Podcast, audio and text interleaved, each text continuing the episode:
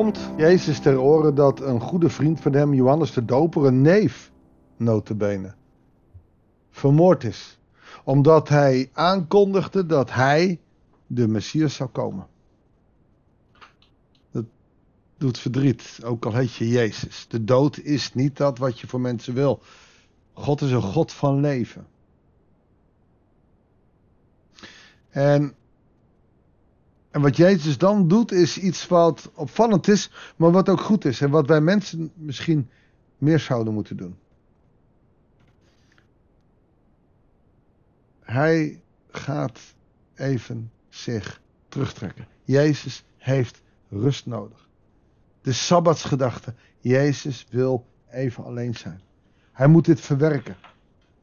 Hij weet dat het nodig was. Net als later Judas. En toch doet het hem zeer. Het raakt hem heel diep. Omdat Jezus ook gevoelens heeft. En daar mogen we nooit aan voorbij gaan. Ook als christenen zijn we geen ubermensen. En moeten we gewoon af en toe de rust pakken om even tot onszelf te komen. En toch gunnen ze Jezus haast niet.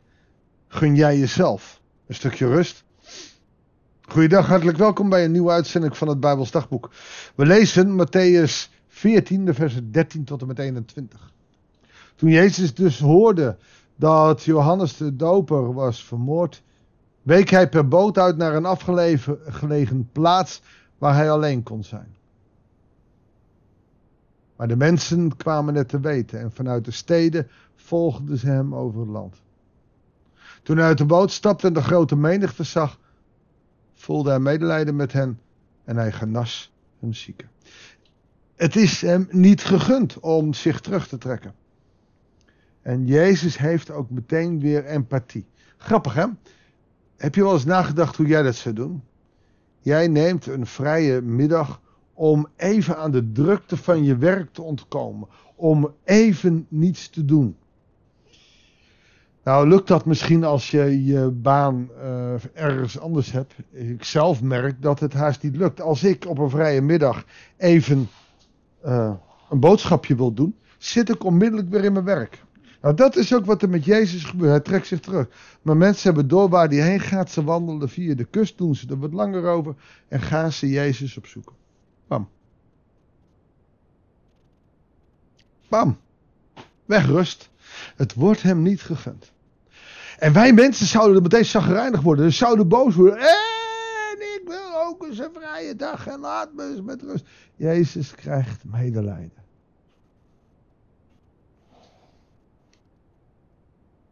En hij gaat onmiddellijk helpen. Hij genas hun zieken. Want in die tijd komen ze niet om het goede woord van hem. Maar komen ze eigenlijk om de ziekte die ze allemaal mee zich dragen. Want bij Jezus is er heling. Het worden veel mensen. En bij het vallen van de avond komen de leerlingen naartoe en zeggen: Dit is een afgelegen plaats. Het is al laat. Stuur de mensen weg. Laat ze naar een dorp gaan om eten voor zichzelf te kopen. Maar Jezus zei: Ze hoeven niet weg. Geven jullie hun maar te eten. Ken dat? Dat je in de klas zat. Voor sommigen is dat heel lang geleden. Voor mij ook nog wel een poos geleden. En dat de docent dan zegt: Nou jongens, vandaag hebben we een onverwachte toets. Je hebt er niet voor kunnen leren. Je wordt geacht de kennis die je hebt opgedaan meteen te kunnen delen. Op papier. Schrijf het maar op. Nou, ik weet niet hoe jij dat doet. Ik vond het altijd mateloos irritant. Nou, dat is wat Jezus hier doet. Het geloof wordt hier even beproefd. Er zitten daar, en we weten uit andere verhalen dat van vier of vijfduizend mannen is, maakt even niet uit. Dat zijn vaak de mannen, dus het hadden er net zo goed tienduizend kunnen zijn. Het doet er even niet toe, het zijn er een heleboel. Een heleboel. En Jezus zegt tegen je, geef jullie maar te eten. Die vraag voel ik ook wel eens. Durf ik uit te stappen? Durf ik mijn stappen naar buiten te nemen zonder dat het op een of andere manier ten koste gaat van mijn geloof? Ik heb het hier wel eens gehad over genezing. Durf ik in de naam van Jezus mensen te genezen? Nee, ik ben daar soms te bang voor. Want stel dat het niet lukt, dan, dan raken mensen misschien hun geloof ook kwijt. Zo zijn er heel veel gedachten. Daar gaan we uren over kunnen discussiëren. Dat doe ik even niet.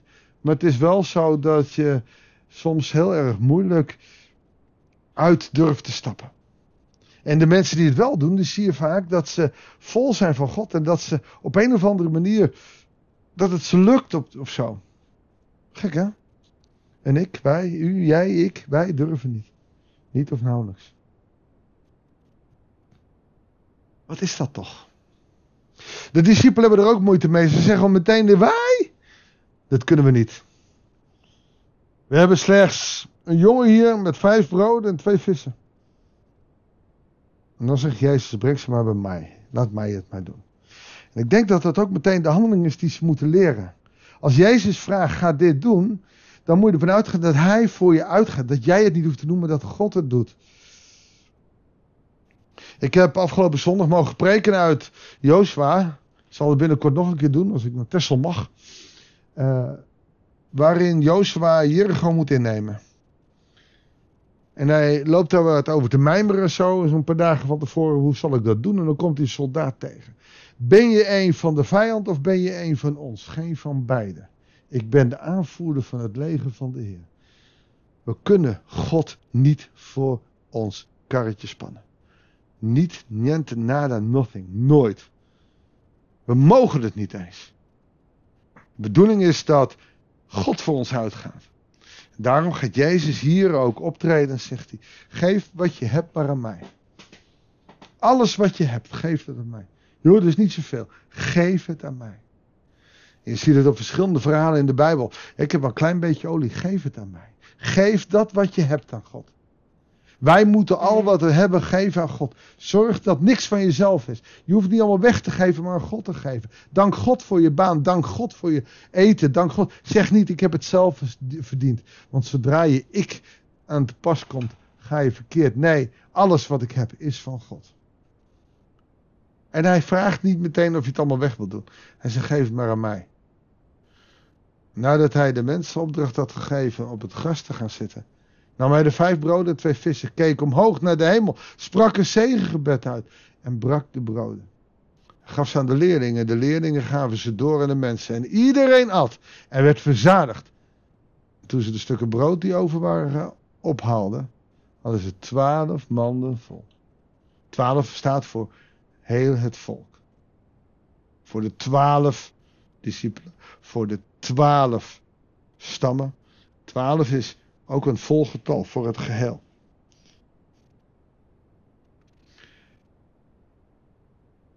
Er hadden ongeveer 5000 man gegeten. Vrouwen en kinderen niet meegeteld. Ah, daar heb je de rekensom al die ik net had. Dat betekent dus, want heel veel vrouwen gingen mee, dat je daar een slordige 10.000 mensen hebt. Een 12 man de brood overhoudt. Door uit te stappen. Door aan Jezus te geven wat je hebt. Het niet voor jezelf willen houden. Eigenlijk is dat een item die steeds weer terugkomt. Als ik zeg ik geef mijzelf aan Jezus, dan zeg ik ja op zondag. En maandag tot en met zaterdag is voor mij. Oké, moet ik vaker. Oké, ik geef per dag ook nog wel een uurtje aan Jezus. op een of andere manier lukt het ons niet om ons hele leven op te dragen aan God. Om, om ons leven te geven aan Jezus. En dat is jammer, dat is een gemiste kans. Daarom is geloven ook een vorm van overdraag. Zorg dat, dat je je leven overgeeft aan Hem. En, en laat me heel eerlijk wezen, ik vind dat zelf ongelooflijk moeilijk. Zullen we ervoor bidden? Heere God, we willen ons leven aan U geven. Maar we vinden het ook eng. En uit ervaring weet ik dat ik niet mijn leven geef, maar een klein stukje van mijn leven. En dat zijn vaak de dingen die ik zelf dan het lastigste vind, die mag u dan voor me doen. En ik weet dat het zo niet werkt. Heer, wilt u alles wat ik geef, alstublieft ontvangen. Maar wilt u me ook een lef geven, het hart geven, om mijn hele leven aan u te geven, zodat ik afhankelijk ben van u. Zodat ik uit kan stappen. Heer, help me door de kracht van uw geest uit te stappen. En niet alleen ik, maar alle luisteraars. Help ons uit te stappen, zodat wij kunnen doen wat u wil in ons leven. Heer, dat bidden wij u in de machtige naam van onze Heer Jezus Christus. Amen. Dankjewel voor het luisteren. Ik wens je God zegen en heel graag tot de volgende uitzending van het Bijbelsdagboek.